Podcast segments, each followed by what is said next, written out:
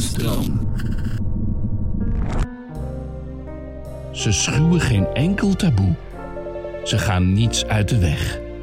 Hier zijn Thierry ba Caries van Houten en Halina Rijn. Oh, hij loopt al. Ja, daarom. Ik dacht, ik, we gaan er een beetje lekker eh, spontaan in. Maar ging Nee. dus weer niet. Nee, dat gaat niet. Maar laten we eens eventjes eh, beginnen bij het begin. Wij zijn nu opeens... Ik zit alweer een tekening te maken. Want ik zo, kan ik zo niet niks aan doen dat ik dat doe. Ik ga wel, neem het wel even over. Dames Ja. en heren, welkom bij Dus- aflevering 9. Live. We zijn live Nou, in we zijn dezelfde niet ruimte. live. Nee, je bent hier niet echt. Dit is een hologram. Nee, maar ik bedoel, we zijn niet live in de ether, maar we zijn live samen. Oké. Alive. In dezelfde ruimte. Ja, en kicking. En live en kicking. En ehm, we hadden ons natuurlijk allemaal heel erg verheugd op iets. Maar kun je daar Waarop? misschien... Oh ja, ja sorry. Ja, ik, eh, had, ik had me heel erg voorgenomen en ook de mensen thuis beloofd dat ik een goocheltruc zou doen. Iedereen heeft zich daar natuurlijk ook de hele week op verheugd. Ja, Elke dag dachten mensen... te wachten. Ja, over nog twee nachtjes slapen, nog één nachtje slapen. nog een halve nacht slapen, nog een uurtje slapen. Nog vier minuten. Nu drie, twee, één.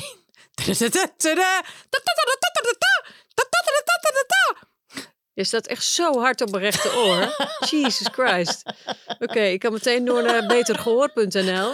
Maar goed, prima. Oké, Maar goed, ik ga er even afhalen, want dit is eh, intens. Oké, Nee, maar wij zitten nu ook op een halve meter afstand van elkaar, wat Ja, sowieso waar. heel onwennig is. Ja.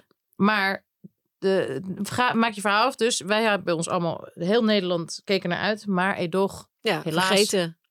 Oké, maar wat precies? Met een goocheltruc. Ik zou een goocheltruc doen. doen. Ik had een hele leuke ver- ver- eh, hoed. hoed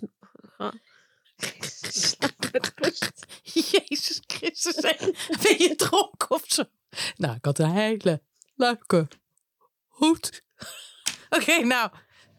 Ik heb er zin in. Let's go. Ik had een hele leuke hoed. Kan iemand dit haar zachter Ja, ja. doen? Oh, Kan iemand haar zachter doen? Oh. hele leuke Nee, hoed. ik, Nou, had, ik had een hoedtruc. Jezus, nu hoor ik mezelf ook heel hard. truc met een hoed. Ja, en die kon ik dan laten bewegen. En dan zou jij zeggen van wow, Kar. Dat, ik je niet dat ook nog voor me in petto had. Ja, ja ik Na had je al best... jaren. Ja, ik, ik denk wel dat je ermee had geamuseerd. Maar Maar wat is er precies Vergeet. gebeurd dat die hoedtruc zich nu helemaal vergeten. voltrekt? Ah, Is gewoon niet eh, opgeslagen. En Nee. ook niet available op dit moment voor mij. Die informatie. Dus eh, het gaat helaas niet door, jongens. Sorry. Ik denk dat ik volgende week... Ik ga het nog een keer proberen. toch wel. Ja, en dan neem ik misschien mijn kaarten ook wel mee. Mijn Ah. dek. Ah, ah. oké. Het zou zomaar kunnen dat ik dan helemaal de... De... Hm krijg. Hoe heet het ook weer? Hoe heet het dan? Je weet het toch? Dat ik de hm krijg. De, krijg de... Niet wat je nu over praat. Jawel. Dan krijg ik de galme miezen. Nee. Ik weet niet waar je het over hebt, joh. De best geest. De geest, dankjewel. Ja. Vlotte Dan geest. krijg je helemaal de geest op. Oh, lekker gezellig dat je Even- me even een kopje thee inschenkt. Het is geen echte thee hoor, zo'n prop Dit is nepthee. Rob's propshop. Maar iemand zei net dat dat achter mij... Wat is dat? Het huis van wie? Van Pepijn Schoneveld, denk ik. Wie is het ook alweer? Dat is ook een podcastmaker. Daar heb ik net een, eh, een, een, een gastoptreden in gehad. Is heel leuk. Ik hou helemaal altijd door de war met die van... ehm, hou het klein. Hou het dicht bij jezelf. Hou het klein. Is dat van de, de jeugd van tegenwoordig? Ja, die heeft toch ook Pepijn? Klopt. Nou, Dus ga kent je. twee Pepijnen en die heb je door elkaar En gehaald. die heeft volgens mij ook iets te maken met dit, met dit, met dit bedrijf waar wij voor werken. Maar goed, nou, dat is dat verhaal we een andere keer. Het is een heel mooi verhaal. Maar ik goed, even, Maak even even een mooi bruggetje. Daar Nou, ga ik. Want luister, wij zitten hier bij elkaar. En de enige reden dat we het hebben gedaan was om die goocheltruc. eh ja, vanwege die goocheltruc. Maar die gaat dus niet door. Dus de meerwaarde dat we hier samen zitten is. Zero. Nul. Nee, ja, ik kun je gewoon iets... Ja, ik, het is ook helemaal geen verschil eigenlijk. Of weer wel, ik weet niet. Het is wel fijn dat we geen Nou, het delay verschil hebben. is- Maar we praten nog steeds door elkaar heen. Dus wat dat betreft maakt het ook geen zakken. Nee, maar dat is wel beter. Want dan kan je, Luc kan je weer lekker door elkaar heen praten. Thuis gaat dat niet. Want dan zit je met die delay. Maar wat leuk is, is dat ik hier ben. Ik ben aangekomen hier gisterochtend om zes uur. Ik heb mega jetlag. Helemaal dronken weer. Ja, as usual. Ehm, maar ik ben dus in Amsterdam. Dat is leuk. Dus we zitten samen nu. Dus we gaan kijken wat het oplevert vandaag. Qua podcast. Snap je wat ik bedoel? Ja, ik ben ook benieuwd wat het geluid technisch gaat doen. Nou, tot nu toe niet veel goeds. Jij loopt alleen maar te gebaren naar die technici hier. Dat je wil dat ik uitga. Zet, haar, zet mij wat zachter dan. Kan dat? Godsamme. Ik heb een hele afstand van deze micro, maar ik heb gewoon een heel penetrant stemgeluid. Dat is wel waar. Van deze micro. Oh, Welkom bij de podcast Vijftigers en Techniek. oh kijk eens, kijk eens wat hier allemaal zijn knopjes. Nou, joh. Kijk dan. Die heb jij ook, denk ik. Maar ik vind jouw stemgeluid prima de Ja, luxe. oké. maar... Nou, ik, ik ben een theaterdier, hè. Ik ben gemaakt om carré te Ja, bespelen. Uh-huh. Zo ben ik opgeleid. Gaat er gewoon, draait er gewoon helemaal Het weg. draait mij gewoon weg, joh. Doe maar. Kan mij het schelen. Is, is precies dit nu een aangenaam volume? Oké, nou, ik heb net weer even over de grachten gefietst. Ik moet zeggen, ik vind Amsterdam fantastisch. Het zonnetje schijnt. Het is zo schoon. Ik was net met eh, onze vriendin Hadewig Minus even tegen. drinken. Ik zeg, kijk nou naar die stoep. Er ligt helemaal geen troep. Er ligt geen vuilnisbak. Er ligt geen kakkerlak. Er ligt geen rat. Ik, ik, ik kan er niet over uit. Ik vind het echt een land van melk en honing. Nogmaals, ik snap dat iedereen heel veel, heel veel moeite heeft met leven überhaupt. Daar heb ik ook respect voor. Maar qua omstandigheden is dit wel een veel vrolijker land dan het land waar ik woon. Dat zou ik even nog één keer zeggen. Dat heb ik al heel vaak gezegd, maar Begrijp ik wel. ik zeg het nog één keer. Dus ik vind het leuk om weer thuis te zijn, moet ik zeggen. Even je, hebt geen, eh, je wordt hier niet gewoon neergeknald de hele tijd. Ja, jeetje, Mina. Vanochtend stond er weer, dus weer, ja, dus toch weer een hele tijd die beschietingen. Ja, nee, dus dat scheelt wel slok op een borrel hoor, moet ik je zeggen. Het voelt ook veel veiliger, vind ik. Maar nogmaals, het is maar waarmee je het vergelijkt natuurlijk. En ik kan niet praten voor anderen, maar ik vind het een heel prettige toestand hier in het kikkerland. Maar goed, heeft anyway. de tas nog steeds om ook trouwens. Ja, nee, ik wou net zeggen, maar dat is dus niet meer. Ik wou zeggen, we zitten hier allebei met onze jas aan, maar het valt mee. We hebben allebei onze jas uitgedaan. Maar niet echt opgehangen op een haakje of iets. Nee, om mij duistere redenen hebben we ons allebei onze jassen uit. Dat is dan wel weer grappig. Misschien zijn we toch geëvalueerd. Misschien wel door de podcast zijn we toch bewuster geworden. Maar anyway, we gaan het deze week hebben. We gaan het deze week hebben over het volgende thema. Thema. We, we, we zijn trouwens ook op zoek naar nieuwe thema's. Er werd ons één thema aangereikt door iemand die zei: Kunnen jullie niet een keer een aflevering maken over menstruatie? Ja. Hoe lang kan je daarover praten? is mijn vraag. Ik, op zich vind ik, het, vind ik het wel een uitdaging. Ik ook. Ik weet het ook niet. Het is niet een onderwerp waarvan ik meteen zou zeggen: Let's go. Nee, maar je kan wel een leuke eerste, eerste bloedervaring, eerste vloed, eerste doorlek, eerste... God. Dat vindt ze allemaal heel goor. Vreselijk. Ja, dat is dus zo raar aan mijn karakter. Ik heb daar dus echt, ik kan er niet tegen. Maar ik vind En maar het- vieze films maken en dan wel... En dan dit hier kan je helemaal niet tegen. nee. Als jij het woord vloed uitspreekt, moet ik al bijna kotsen. Niet dat komt niet door jou, maar Nee, gewoon in het algemeen. beetje. Maar ik vind het theoretisch een heel goed idee om eh podcast te maken over menstruatie, omdat het nog steeds natuurlijk een mega taboe onderwerp is. Je ziet het Ja. bijna nooit in films. Gelukkig gaat het wel iets beter daarmee. Maar het is nog steeds een onderwerp waar wij het niet, ja, alsof dat niet zo is, doen we toch altijd. Van nee, maar eh, je, je mag er niet over praten. Tampons zijn niet gratis. Ik bedoel, Nee, zeker. Het is, het is zeker nog wel een taboe, denk ik. Ja. nou, daar gaan we dus wel heus wel tijd aan besteden. Maar Dat doen we nu eigenlijk al. ja, Ik kan net zo goed er gewoon nog een leuke nou. anekdote erin gooien. en nou, dan gooi hem erin als je erin hebt. Ik heb er, ik, ik wil ik was heel laat ongesteld. Ik was 15. Laat hoor. Is ik was dat bij mijn opa en oma bezoek. Toen dacht ik, ja, godver, ben ik met mijn opa en oma. Dat vind ik super gênant om te zeggen. Toen vertelde ik het aan mijn moeder dat ik dus ongesteld was. Of iemand, iemand vertelde het, denk ik. Ik denk niet dat ik het zelf durfde te zeggen. Toen zei mijn moeder, oh leuk, gaan we nu een taartje kopen. Dat vond ik zo goor. Oh, ik vind het wel heel lief van je Ja, moeder. heel lief. Ja, mijn moeder deed op zich niks fout. Maar ik vond het allemaal zo gênant. En dat, we dat, dat dat dan gevierd moest worden met een taartje. Ik Je vond de goor. combinatie van ongesteld en taartje kon je gewoon niet handelen. Snap ik. Nee, net als toen ik mijn moeder vertelde dat ik zwanger was. Dat ik toen dacht, oh, nu weet mijn moeder dat ik het gedaan heb. Gadver. Wat lief. Wat een grappige denkconnectie. Ja. Maar natuurlijk eigenlijk heel, heel logisch. Dus ja, dit is echt het bewijs. Dat Ja. ik nu, moet nu weet zij echt dat ik seks heb gehad. Nou, ik denk dat moet ik eerlijk zeggen. Ik als kinderloze vrouw, en hier gaan we. Maar dat was trouwens een heel goed bruggetje van jou. Dank je. Ik denk heel vaak, als ik op straat loop en ik zie allemaal gezinnen, denk ik, "Eh, zij hebben het gedaan, zij hebben het gedaan. Dat denk ik heel vaak. Denk, dat denk ik inderdaad, denk ik van, oh god, al die mensen hebben gewoon met elkaar iets gedaan. Ja. Nou, dat is, Maar de hele tijd. ja, terwijl dat natuurlijk, dat is natuurlijk überhaupt een gegeven. Alleen daar, ja, daar denk je gewoon vaak niet aan. Verrassing, we gaan het dus, dat hebben we namelijk ook niet aan de mensen verteld die de hele tijd om deze podcast heen zitten. We hebben namelijk ehm, besloten om het onderwerp, we zouden het eerst over geld hebben. Maar toen zei Car, daar heb ik niks over te zeggen. Ja, ik kon me gewoon, ik kon gewoon de amusementswaarde daar niet van Geld. inzien.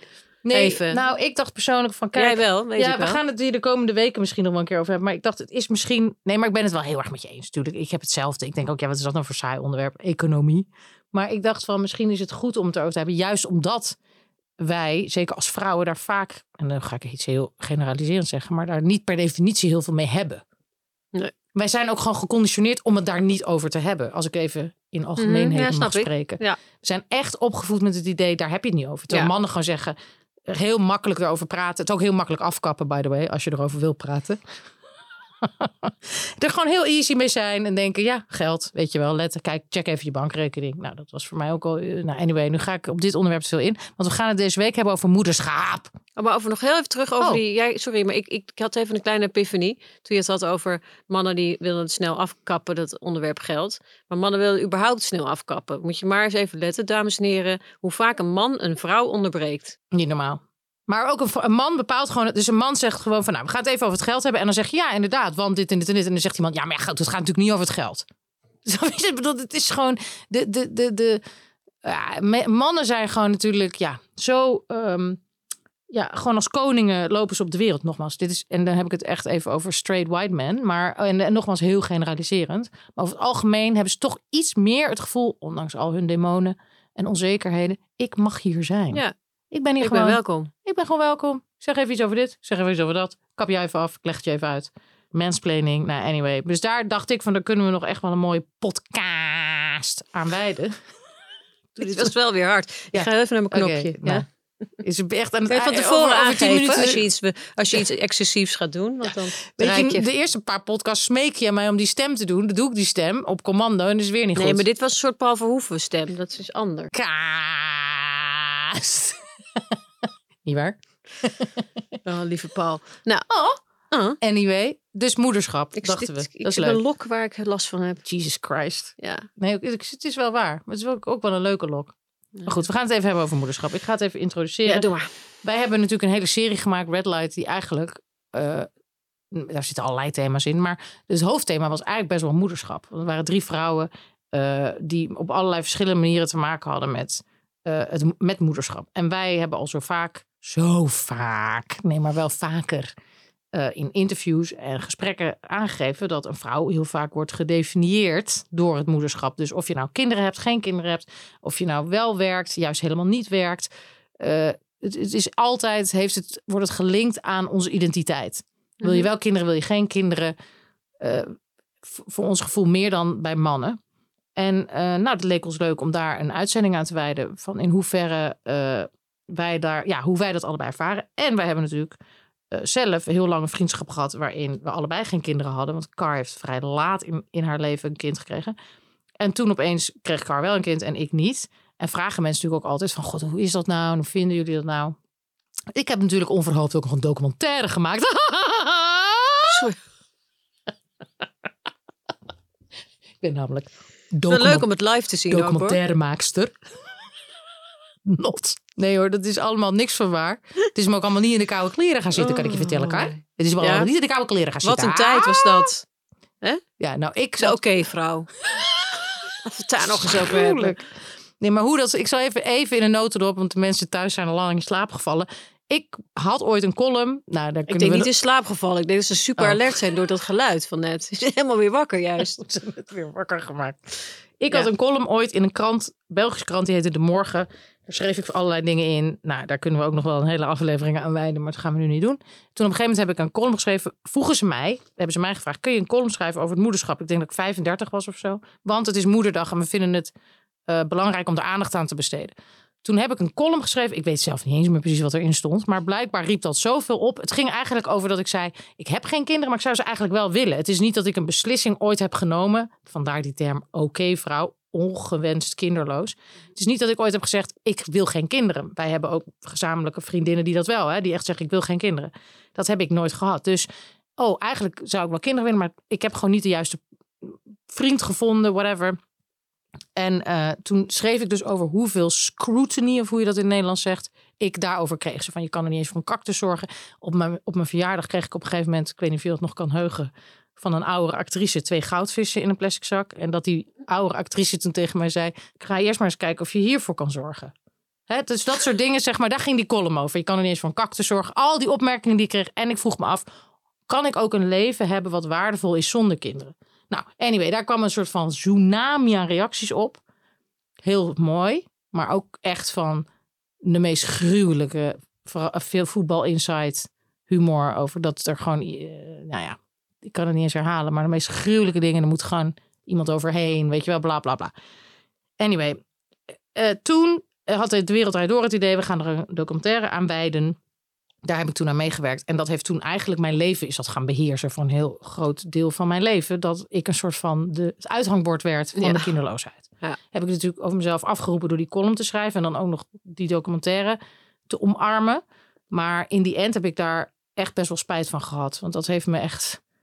Ik, ik heb dat niet als prettig alleen maar ervaren. Het idee was natuurlijk, ik deel iets en dat is dus, daar ga ik heel veel troost mee bieden. Maar ehm, Dat heb je natuurlijk ook wel geboden voor een groot gedeelte. Maar ik denk dat je er zelf gewoon inderdaad heel veel last van hebt gehad uiteindelijk. ja, heel veel last. En ook dat hele rare wat dus ontstaat als je geen kinderen hebt. En je praat daarover in het publieke ruimte. De reactie die mannen daarop hebben. En het is voor me toe. Er waren ook komieken die erover. Die, die, de- daar moet een piemel in. Werd er gewoon door een hele zaal gezongen. Weet je, het werd echt gewoon een soort van nationaal thema voor mijn gevoel. Want anybody else, nobody cares. Maar in mijn belevingswereld. Dus het is wel heel interessant om te zien wat er gebeurt als je als vrouw eigenlijk van de kudde wegloopt. Of je dat nou gewild doet of ongewild. Hè, want je loopt niet in de pas met wat er van je verwacht wordt. Namelijk maak nou maar gewoon een kind. En wat dat dan vooral bij mannen opriep. Ja, fascinerend. Fascinerend toch? Want van vrouwen kreeg ik over het algemeen gewoon hele liefdevolle en ook soms hele opgeluchte reacties van eindelijk iemand die erover praat. Maar het idee dat je vanaf je 25e, dan word je 26 en je doet een interview, dan gaat het gewoon altijd standaard daarover.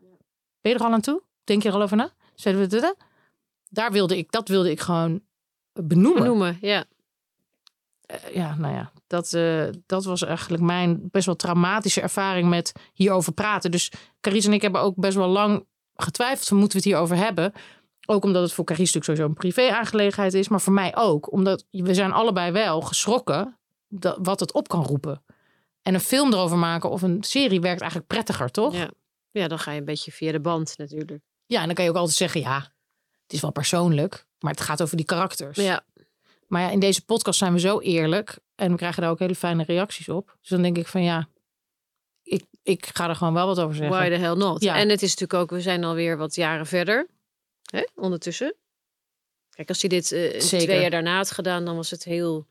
Raar geweest. Ja, en ook, ik denk, ik ben nu 47, dus dan ben je er op een gegeven moment, kom je natuurlijk ook in die periode terecht dat je denkt, nee, dat gaat echt niet meer gebeuren. Het is gewoon duidelijk. Terwijl, dat is ook heel interessant om in Amerika te wonen. Daar denken ze daar volledig anders over. Ja. Ze zijn daar nog veel, ve- ze ze gaan veel verder, grenzelozer, in de medische mogelijkheden die er zijn om kinderen te krijgen. Dus het is daar veel normaler om op je vijftigste te denken, ik neem een surrogate met een eitje daar vandaan en dit en dat.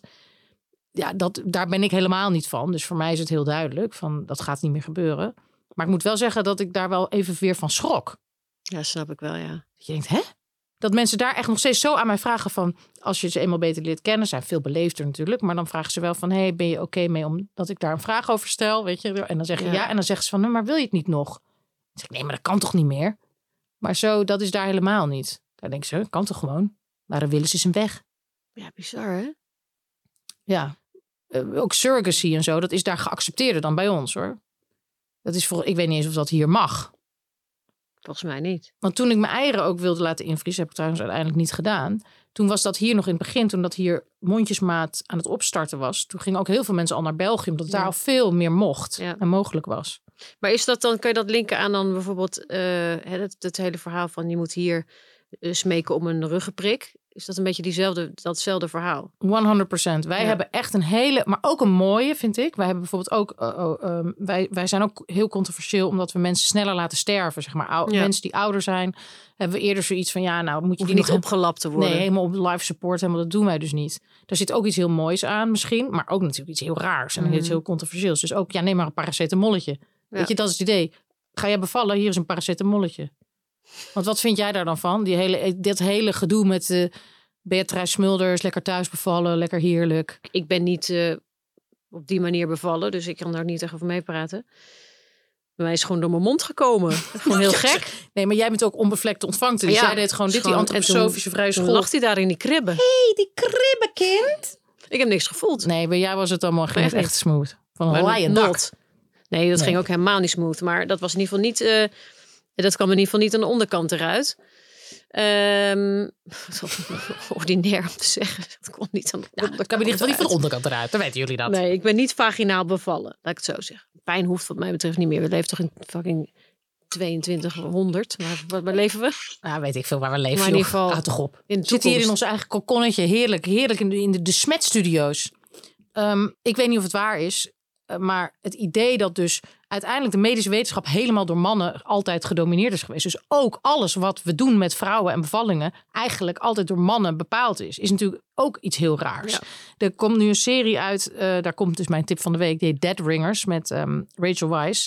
Ik heb die pilot gezien. Die is ongelooflijk. En die gaat helemaal hierover. Dus het gaat echt over vrouwen en kinderen. Ze speelt een tweeling. Ze zijn allebei gynaecoloog. En het gaat er dus helemaal over dat vrouwen eigenlijk... Ja, gewoon in een, in een door mannen bedacht en gemaakt systeem... die kinderen maar ter wereld moeten brengen. Anyway, daar weten wij allebei te weinig vanaf om daar iets zinvols over te zeggen.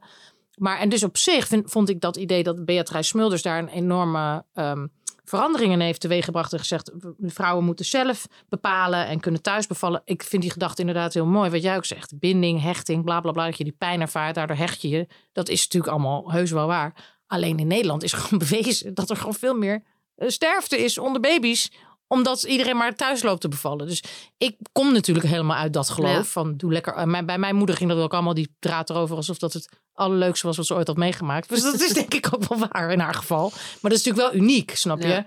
En er zijn zoveel mensen die wat meer complicaties hebben. En ik heb bij mijn zus ook echt wel gezien. Ik heb hele mooie dingen eh, ervaren. Maar ook wel echt dat het belangrijk was dat er wel een ziekenhuis was. Natuurlijk. Ja, en dat dat ook heel veilig is en fijn. Dus dat hele, die soort van Gestapo die er nu soms is. Met de, de, de vrouwen, ik zal geen namen noemen, maar het ligt op het puntje van mijn tong. Mhm. Maar die allerlei Instagram-accounts hebben en beweren dat je de hele dag in, in natuurlijke gebladerde draagzakken met je kind. Dit, denk ik van, houd toch op. Eh, la- Laat iedereen gewoon met rust. Dat hele, de, want wat het uiteindelijk ook creëert, een soort antifeminisme. Van moeders moeten in een soort mega symbiose met dat kind. Ja, dan denk ik dat trek, dat is ook weer een druk op een moeder om niet te kunnen werken, om niet haar eigen ding te kunnen doen, om zichzelf niet te voelen. Maar ja, ik mag als kinderloze vrouw daar eigenlijk niet over praten. En de hele Sander Schimmelpenning van in Nederland willen alle vrouwen alleen maar parttime werken. Er zit Ja. ook iets heel moois aan, snap je? Want je Ja. denkt ook, ik heb een moeder gehad bijvoorbeeld zelf, die heel veel thuis was. Dat is natuurlijk wel heel leuk. Ja. Dus wat dat betreft snap ik het allemaal wel. Maar ik wil maar zeggen, ik denk dat er op vrouwen, hoe dan ook, gewoon een hele grote extra druk zit. Of om eh, wel kinderen te maken als ze ze niet hebben. Of om minder te werken als ze wel kinderen hebben. Want je moet meer bij je kinderen zijn. Of om wel te gaan werken als ze niet werken en kinderen hebben. Het is zo fascinerend. Ja, Het is toch nooit goed? het is nooit goed. Nee. En dat vind ik wel, ja, daar, dat, dat is nog steeds wel. Dat is vrij achterlijk. De, de, ook eh, hoe hoe wij zelf, om maar weer hand in eigen boezem te steken, daar ook over denken en mee omgaan. Dat we ook vaak ja, toch te veel druk op onszelf ook leggen daarin. Toch? Mhm. Van we moeten perfect zijn, alles moet kloppen. Nou, en wat jij ook wel eens aanhaalt, dat, aanhaalt, dat voorbeeld over die vriendin van jou die op het schoolplein dan. Ja, het is een heel succesvol acteurskoppel. Zijn allebei hartstikke succesvol. En, en doen het heel erg goed. En als zij eh, op het schoolplein komt, dan zeggen die moeders altijd van... Oh, je bent wel veel aan het werken tegen haar. Maar en als hij op het schoolplein komt, zeggen ze dat nooit. Ja, Zeggen van, ze oh leuk, "Hey, zag je een nieuwe film. tv." Ja. Ja. Het wordt gewoon... Ja, maar dat is, het is natuurlijk, en daar moeten we toch ons bewust van worden. We, zijn het, we denken ergens allemaal zo. Wij denken ook zo. Ik, moest, ik zag een eh, hele leuke man lopen met een zonnebril en een eh, kinderwagen met een kindje erin. Toen ging mijn eerste dag als, oh wat leuk, die heeft een papadag. Toen dacht ik, oh wat erg dat ik dat denk. Erg. Zo van, oh wat leuk, Ja. kijk eens een man die heel Ja. gezellig met zijn kind om, weet ik veel hoe laat het was, één uur 's middags rondloopt. Die zal wel een papadag hebben. sympathiek. Ja, ja, precies.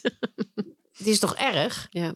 Dus wat dat betreft, ja, dan denk ik Wat dat betreft zijn ze natuurlijk in, in Scandinavië veel verder hè, ook. is dat zo? Dit, ja, mannen krijgen veel langer eh, zwangerschapsverlof. En het is daar veel normaler dat het veel meer 50-50 is. Of zelfs de andere kant op. Qua werkverdeling ook. Ja, en dat is natuurlijk, dat is in Nederland. Daar zegt Sander Schimmelpenning, vind ik, hele interessante dingen over. Hij heeft trouwens ook echt een briljante column over kinderloosheid geschreven. Hij schreef op een gegeven moment dat wij denken allemaal dat we een heel progressief land leven. Dit is natuurlijk een beetje een oud riedeltje wat we inmiddels allemaal wel kennen. Maar, en het tegendeel is waar. Eigenlijk hebben wij enorm veel onderdrukt eh, eh, seksisme, racisme, nou, enzovoort, enzovoort. Uitsluiting van van alles. En ook hij zegt dus, de, eh, als je dus geen kinderen, ook als man hier, ben je toch een beetje van, huh, wat? En dat heb ik wel heel erg ervaren in Amerika. Dat dat nooit in mijn straat alleen al, heb ik misschien al, nu herhaal ik mezelf waarschijnlijk, maar wonen allerlei vrouwen van, laten we zeggen, 70, 80, die hun leven alleen hebben gespendeerd. Er woont een of andere oude dichteres. Snap je, dat is daar veel geaccepteerder om een afwijkend leven te leiden. En in Nederland is het toch nog heel erg lopen in de pas en anders loop je maar gewoon niet mee. Dat is toch zo? Ja, wij gaan gewoon die kant op. En daar is het te doen. En jij gaat gewoon niet mee. Oh, er is weer een instorting. Ambulance! Glaasje water! Nee, maar dat, ben je daar nou mee eens of niet? Ja, maar ik, ik kom niet langs, langs het eh, Oh, accent. Sorry. Dus je hoorde eigenlijk helemaal niet wat ik zei. Ik schenk Nee. even nog een kopje thee. Niet dat je denkt dat ik Geen hier sta te plassen. Er zit natuurlijk geen thee in, hè, dames en heren. Echt geen thee in. Ehm, nee, ik ben het helemaal met je eens. Ik weet niet wat je zei, maar ik, ik ben het wel met je eens. Nou ja, ja. in de paslauwem. Ja, dat, je in de, dat wij eigenlijk, dus we de- iedereen denkt, ah, eh, Nederland, het land van de vrijheid en de vooruitstrevendheid. En, En de coffeeshops. en, ja, en de homobeweging en het, het mooie drugsbeleid. Maar, Maar dit, het is ook, we zijn ook denk ik echt allemaal in dat narratief van de jaren zeventig blijven hangen. Alsof dat nog steeds zo is. Ondertussen heeft de hele wereld ons ingehaald. Helemaal op, waar. Op heel veel gebieden. Totaal. En er zit natuurlijk ook iets vets in dat vrouwen hier zeggen: Ja, dag, ik hoef helemaal geen topvrouw te worden. Ik ga gewoon, ik wil wel voor mijn kinderen zorgen. Godzijdank, denken Ja. vrouwen dat. En ik ga parttime werken. Er zit ook autonomie in. Maar er zit inderdaad ook iets in van als je dat niet doet. Er is hier ook een enorme moeder. Ja, hoe noem je dat? Dictatuur, vind ik. Weet je, van als je dus besluit om wel carrière te maken, dan word je daar ook op afgerekend. En als je besluit om geen carrière te maken, het is, er is gewoon ook heel veel oordeel in dit land. Wat mij natuurlijk heel erg fascineert, is dat. eh, want ik, ja, ik weet niet hoe het voelt. Ik kan me natuurlijk in inleven, want ik kan me natuurlijk in alles inleven. Dan ben ik zo briljant actrice. Nee, maar helemaal niet. Maar eh, wat, wat mensen tegen mij zeggen, waar, waardoor ik altijd dacht: dat is nou echt wel een reden om het te doen.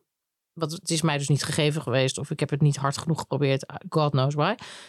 Maar is dat het een, een vorm is van liefde die je nooit met iets anders kan voelen. Dus je kan het niet voelen met je moeder, je kan het niet voelen met je vader, je kan het niet voelen met een, met een, met een beste vriend, je kan het niet voelen met een minnaar, je kan het niet voelen met je geliefde. Je voelt dat, dat de uniciteit van die vorm van liefde, het moederliefde of vaderliefde, whatever.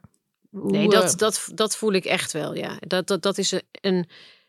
Dat kun je ook eigenlijk niet uitleggen. Dus inderdaad, daarin kun je je... ehm, ja, dat kan ik jou ook eigenlijk echt niet uitleggen. Want dat moet je zo, dat moet je zo ervaren. Eh, en dat kan ook heel eenzaam voelen, omdat als je dat niet... Je kan je het misschien wel voor, te stellen, maar toch is dat gevoel anders dan... Ik weet niet of ik er echt een idee over had trouwens, voordat ik een kind kreeg, moet ik heel eerlijk zeggen. Maar ik dacht wel, ik wil het gewoon meemaken. Ik heb natuurlijk totaal geen spijt van moederschap. Het is mooiste wat me ooit over is overkomen. Maar ik denk tegenwoordig wel eens, waar, de fuck heb ik, heb ik hem opgezet op deze wereld? Het is echt, ik heb me daar echt te weinig, ehm, ja, ik heb te weinig bij stilgestaan. En daar, denk je waarschijnlijk niet over na, op, op, op het moment suprem. Maar eh, nu kan ik daar heel erg angst van hebben. Dat ik denk, oh, wat moet hij allemaal nog meemaken? Ik heb wel altijd vroeger gedacht van, ik, ik ga het niet zo doen als mijn moeder. Ik wil wachten tot ik ouder ben. Ik wil niet te jong zijn. Ik wil er echt heel, heel erg klaar voor zijn. Eh, maar dat ben je geloof ik eh, nooit. Tenminste, ik voel me daar, voelde dat niet zo. Nee, maar niemand, denk ik. Nee, iedereen doet maar wat Ja. natuurlijk. denk je ook niet dat dat bijna voor iedereen geldt? Zeg maar, niet, niet dit specifieke eh, eh, systeem, maar wel dat de meeste mensen een idee hebben van hoe ze gaan zijn als ouder. En dat zodra het kind er is, dat alles uit het raam Ja, gaat. ja. En je gewoon moet overleven. Want het, Ja. het is natuurlijk nog, nog steeds een mega taboe hoe heftig het is om een kind te hebben. Ja. En dat- Zeker als je zelf nog een aantal dingen niet hebt opgelost, denk ik. Dat dat, eh, ja, heel, heel confronterend. Ja. Enorme spiegel. Maar denk is je een niet dat niemand ooit alles heeft opgelost? Dus dat iedereen die een kind krijgt, ook al heb je 60 jaar therapie gehad, dat je toch gewoon heel erg gegrepen wordt. Omdat wat je zegt, ik kan het me ook niet voorstellen. Het is zoiets groots. Er staat opeens een mini-me van jou of whatever. Die kijkt je aan. Ja, natuurlijk wordt dan alles getriggerd. Ik denk, daar kan je, ik denk het idee dat je je daarop zou kunnen voorbereiden of dat andere mensen. Ik denk dat dat eh, ook heel belangrijk is. Dat dat benoemd wordt. Dat dat gewoon helemaal niet kan bijna. Dat het zo all, all consuming is. Nee, maar ik denk wel dat je, als je een aantal dingen hebt aangekeken, al grote thema's in je leven, als je daar helemaal nog niks mee hebt gedaan, dan komt het wel, denk ik, harder op je, op je, op je bordje terecht. Ik denk wel dat je het een en ander aan voorbereiding kan doen, zodat je misschien niet zo overweldigd wordt door je eigen emoties in ieder geval.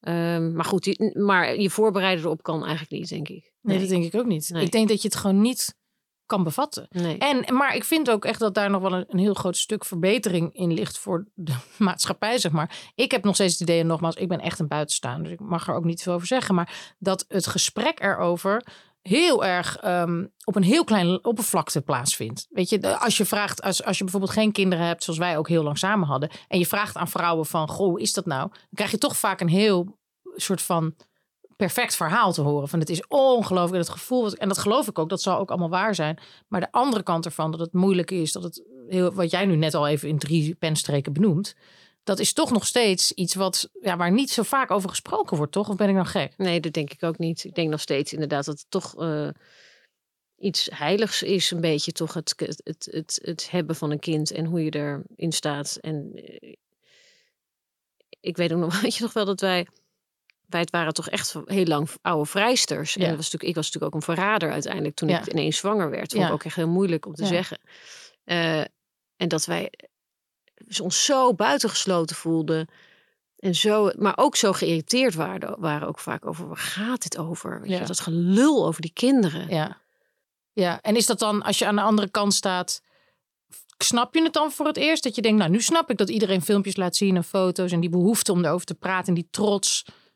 Ik snap het wel meer. Ja, ik kan het nog steeds eh, irritant vinden of te langdradig. Of ik denk, nou ja, Van dan weet ik het wel. Ja, maar het gaat meer. Nee, maar ook voor mezelf. Ik denk, het, het, het is, het, eh, het is meer, denk ik, het, het delen van een. ehm, eh, van het niet weten. En toch een soort van confirmation zoeken bij andere mensen. Van ben ik gek hierin? Of, of hoe doen jullie dat dan? Ja, ik denk dat het ook een beetje daar van uit, uit voortkomt. Maar Dat denk je dat het dan ook dat mensen eigenlijk niet durven te zeggen tegen elkaar, zeg maar ouders onderling van, hé, hey, ik weet het niet? Of is dat wel iets als je eenmaal een kind hebt, dat er wel een soort secret society is, dat je elkaar kan bellen en kan vragen van, man, ik heb geen idee, mijn kind wil nu opeens dit of dat, of, of opeens doet hij dit, of ligt ook een beetje, aan met wie je omgaat, denk ik. Want ik, daar kan je je ook best wel eenzaam in voelen. Ik, ik heb ook moeders op school dat ik denk, die hebben het allemaal heel goed voor elkaar. En ik, en ik weet het echt niet. Of ik doe maar wat. Of ik... eh, eh, ja, maar goed, dan zie je ook wel eens een keer een andere moeder die iets vergeet. Of rennend zo'n school binnenkomt, helemaal bezweet en, en met drie paniekaanvallen. Dus het is ook... eh, het is ook wel, daarom is het wel fijn om er af en toe wel over te hebben, natuurlijk. Ja, dat lijkt mij ook. Ik vind het altijd heel verfrissend, want ik heb zeg maar met mijn zussen, maar met jou ook. En, en dat hebben natuurlijk veel vrouwen met mij, omdat ze denken, oh, met haar kan ik wel over praten. Want ik, ik ben natuurlijk in die zin ook een ongevaarlijke gesprekspartner, omdat ik er niet. Ik, heb, ik weet er ook niks van, dus ik kan er ook geen oordeel over hebben. Dus sommige vrouwen zien mij echt als een soort van wegenwachtpaal, wat ik heel leuk vind. Om juist al die dingen die ze met niemand durven te bespreken, Mhm. dan naar mij te vertellen. Van ja, maar ik voel soms dit of dat of zus of zo. En dat is voor mij dan ook weer heel prettig. Zoals ik probeer juist heel erg te vertellen wat is de andere kant van mijn leven. Weet je, want iedereen Ja. denkt, jij bent altijd vrij. Je kan lekker doen waar je zin in hebt. En als je morgen naar Zuid-Amerika wil verhuizen, dan kan je dat gewoon doen. Dan zeg ik, nee, joh, ik ben dood eenzaam. Ik heb helemaal geen, geen, geen. Ik heb wel een doel in mijn werk, maar de grote vraag is natuurlijk: kun je leven zonder de essentie van het leven eh, te ervaren? Namelijk het hebben van een kind. Ik weet dat nu denken al heel veel mensen die naar zitten luisteren. Natuurlijk kan dat wel, natuurlijk. Maar dat is niet, e- als je er echt over Mhm. nadenkt, is dat wel. Want ik geloof heel erg, het leven is een soort van ingedeeld in fasen. Hè? En natuurlijk in iedereen's leven gebeuren onverwachte dingen. Maar je gaat je bent een kind en dan word je een puber. En dan, eh, en dan gebeurt er dat en dan gebeurt er dat. Dat is zo ongeveer vagelijk een systeem. En daar hoort ouder worden, het ouderschap hoort daarbij. En vanuit het ouderschap ga je eigenlijk richting de dood. Om het even heel cru Mhm, te zeggen, mhm. toch? Want dan heb jij zelf iets voortgebracht. En nu besta jij om, om, om diegene te laten, zo goed Ja. mogelijk te laten leven. Het Ja. gaat niet meer over jou. Ja.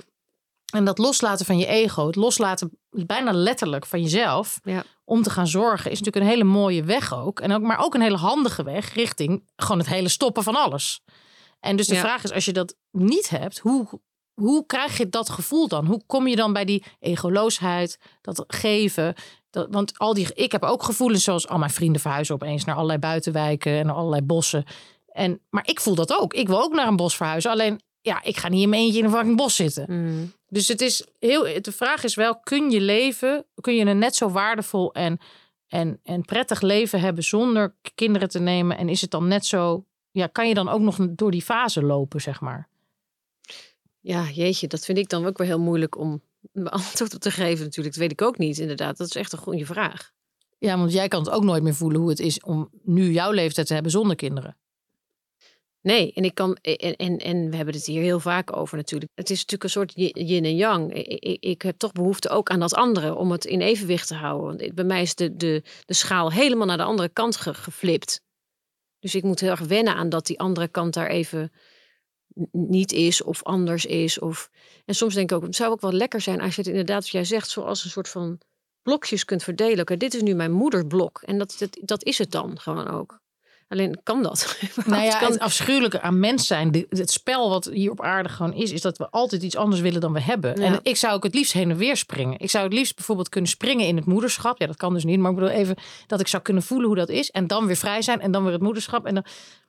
Maar dat, het- het- ja, de opdracht is natuurlijk om te roeien met de riemen die we toe, toebedeeld krijgen en Ja. die te accepteren. En het is zo. En alles is duaal. Ja. Dus want, maar ik denk wel, ik zeg natuurlijk ook heel vaak tegen mensen met kinderen en ook tegen jou, dat eh, het lijkt mij heel. Kijk, ik heb nog steeds een bewijsdrang in mijn werk en jij volgens mij ook. Hoe, whoever zich dat uit. Of een bewijsdrang in de wereld. Wat, wat het ook is, weet je. Want ik kan me ook voorstellen dat ik op een dag denk ik ga een bar openen. En dat ik Mhm. daar net zoveel plezier uit haal dan aan het maken van een film. Maar dat ik het leuk vind om in de wereld dingen te creëren.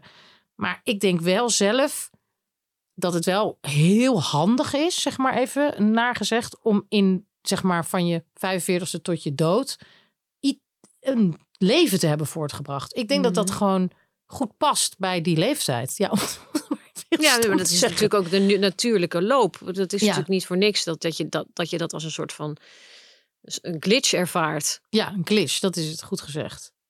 Ja, terwijl er natuurlijk nogmaals wel mensen zijn die het heel bewust doen. Die Ja. zeggen, nee, maar dat wil ik niet. Dat wil, ik, wil, ik, wil, ik heb daar geen behoefte aan, om Ja. wat voor reden dan ook. Of om, om vanwege de wereld, maar ook vanwege dat ze het niet voelen. Ja. Want ik weet nog wel, maar dat kan jij beter zeggen, maar dat op een gegeven moment was het voor jou echt duidelijk wat je zegt rond je 35 van ik wil een kind. Ja, ik denk niet duidelijk. dat ik dat toen had, toch? Of wel? Nee, dat, me- nee volgens mij had je dat niet zo. Volgens mij was het als het, als het gebeurt of zo, dan had je er denk ik Ja. misschien wel voor gekozen. Maar Ja. ik denk niet dat je...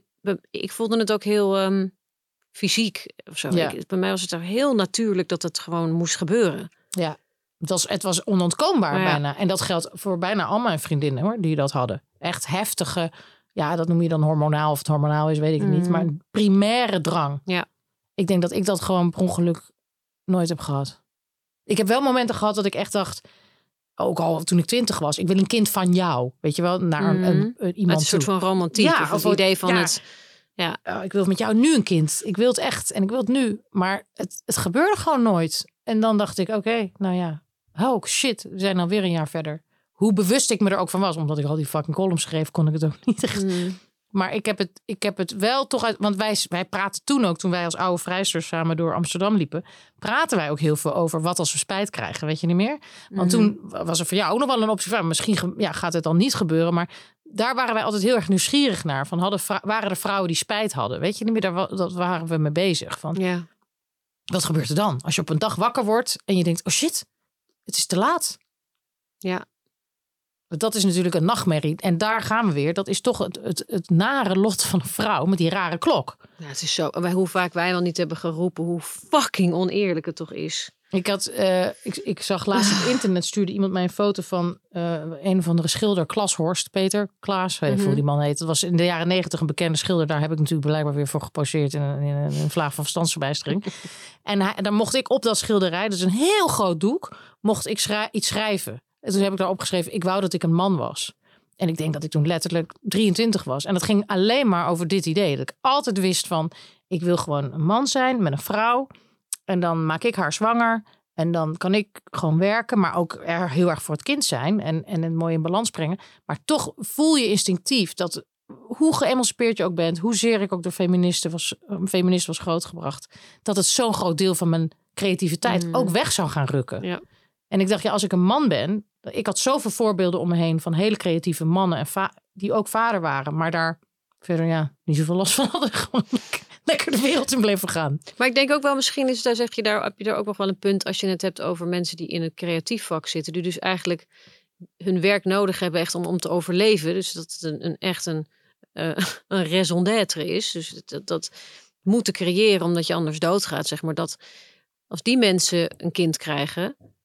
Ik vraag me af of dat een verschil is dan met, met iemand die dat niet heeft. Dus die niet zo de, de. waar het werk in die zin niet de identiteit is. Snap je wat ik bedoel? Zeker, maar denk je dan dat, dat, dat het moeilijker eigenlijk Nou, is? dat denk ik. Ja, maar denk ook moeilijker. Ja, in ieder geval een grotere overgang. En dat je, dat je iets moet opgeven of inleveren.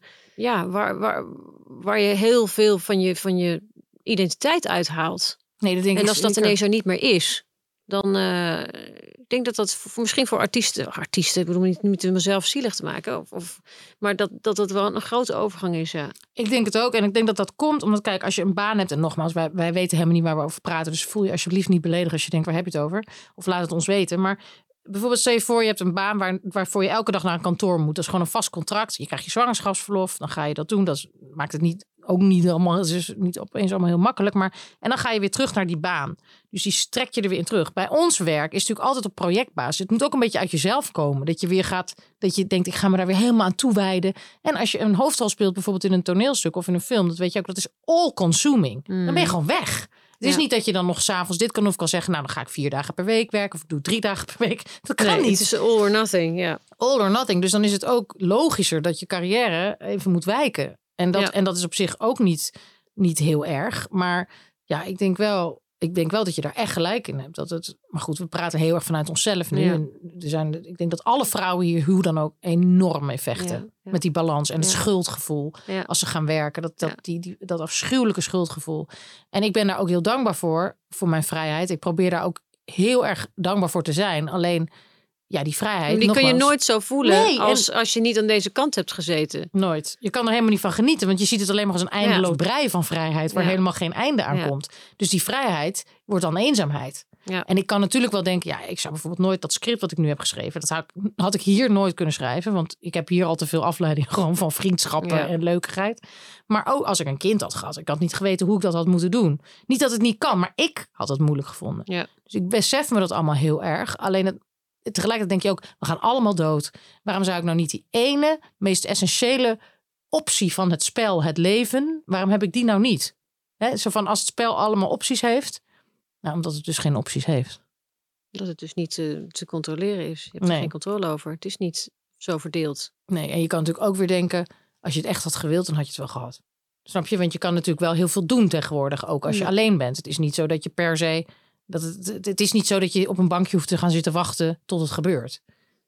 Maar ja, Ja, ja, Maar het leven is natuurlijk in die zin super mysterieus. En, en, de, en je, we denken dat we er controle over hebben. Nu gaan we even het eh, eh, vakje spiritualiteit in. Maar eh, wat jij ook heel vaak zegt, al in heel veel van deze afleveringen. We hebben veel minder controle dan we denken natuurlijk. Daarover uiteindelijk. We kunnen wel denken, ja het is allemaal maakbaar. Ik kan gewoon naar een spermabank gaan. Of ik kan gewoon dit of dat. En dat kan ook allemaal. Maar dan nog moet het wel ergens in je zitten. Dat je dat gaat doen. Dat je tot actie overgaat. ja. En dat heb ik niet gedaan. Dus blijkbaar, spiritueel gezien, ja, waarom heb ik geen kind? Waarom heb ik geen kind? Ja, omdat je geen kind, dat dat gewoon niet, niet jouw realiteit is. En Ja. andersom, waarom heb jij wel een kind? Ja, omdat dat jouw pad is. ja. Zo simpel is het ook maar weer. Ik zou het graag willen afronden en even door willen gaan naar het volgende onderwerp.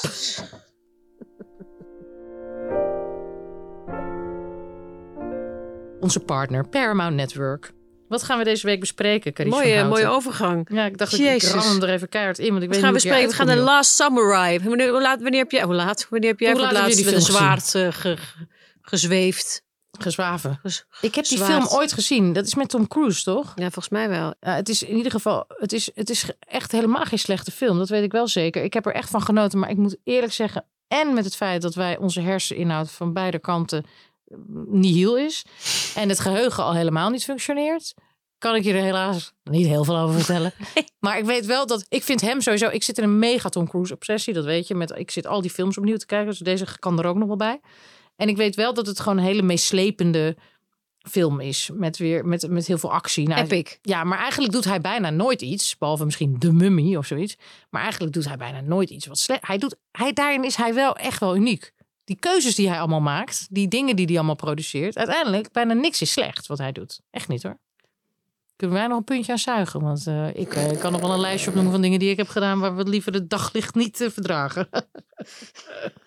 maar wanneer gaan we deze film kunnen zien? Eens even Nou, zien. Wat dacht je van ehm, vrijdag 21 april, half Oh. negen? Vrijdag 21 april om half negen. Zie ik je daar? zie ik je daar. En in de show notes kun je vinden waar je Paramount Network dan weer kan vinden. Snap je? Los van waar je ons podcast kan vinden. Ik vind mensen moeten ons dus wel volgen. Dat ga ik nog één keer zeggen. Ja, iemand kwam laatst naar me toe en die zei dat, ze, dat, dat het haar gelukt was. Zo lief. Ik, we- ik vind echt de reacties die we krijgen, tenminste wij allebei volgens mij leuk. op onze DM's, maar ook ik- het is zo hartverwarmend. En dat geeft ons ook een reden om door te gaan. Want soms is het best wel moeilijk te combineren met onze levens en de afstand. En, maar eh, eigenlijk het feit dat, eh, ja, dat we het gevoel hebben dat er in ieder geval een paar mensen luisteren die dit leuk vinden. Dat eh, sleept ons er doorheen en geeft ons ook weer moed om door te gaan. Ehm, heb jij nog een huishoudelijke tip? Wat denk je zelf? Nou, ik denk het niet. Wat ik, heb ik? Ja, ik ook niet. Ik heb echt geen zak te zeggen over niks. even nadenken. Wacht even hoor. Kom vast wel op iets. Kijk even rond. ik heb laatst iets gerecycled. Een oude plastic fles. Heb ik een gieter van gemaakt. Nou, Echt? Met gaatjes erin in het dopje. Ik gebruik trouwens jouw tip over dat wachtwoord. Die probeer Ja. ik steeds te gebruiken, maar dat doe ik helemaal verkeerd. Dus dan Oh. doe ik het woord Halina met allemaal letters ervoor. En daarna denk ik, volgens mij klopt hier iets niet. Maar dan moet ik even naar kijken naar de show notes van aflevering Kijk even in je eigen show notes. Ik ben helemaal klaar met deze aflevering. Het is fucking zware fucking onderwerp. hé. Mag het wat minder? Ja, Mag jij ermee. minder? Ik wilde gewoon lekker over de Efteling praten. Weet ik het al? Trollen. Ik, ik wilde graag Eh, over geld feestjes. hebben, maar jij hebt daar niks over te Oh, zeggen. ja. Geld, the money, the money. We gaan het volgende week uitgebreid hebben over... Leuke aflevering. Ja, volgens mij moeten we wel gewoon eh, het hebben over dingen die er gewoon ter plaatse in ons opkomen.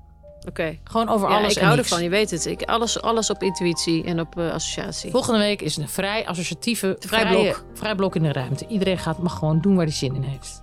Oké, als jullie nog dingen tegen ons willen zeggen, dan moet je dat Moet je heel snel doen. zijn. Want we zijn er nou wel klaar mee.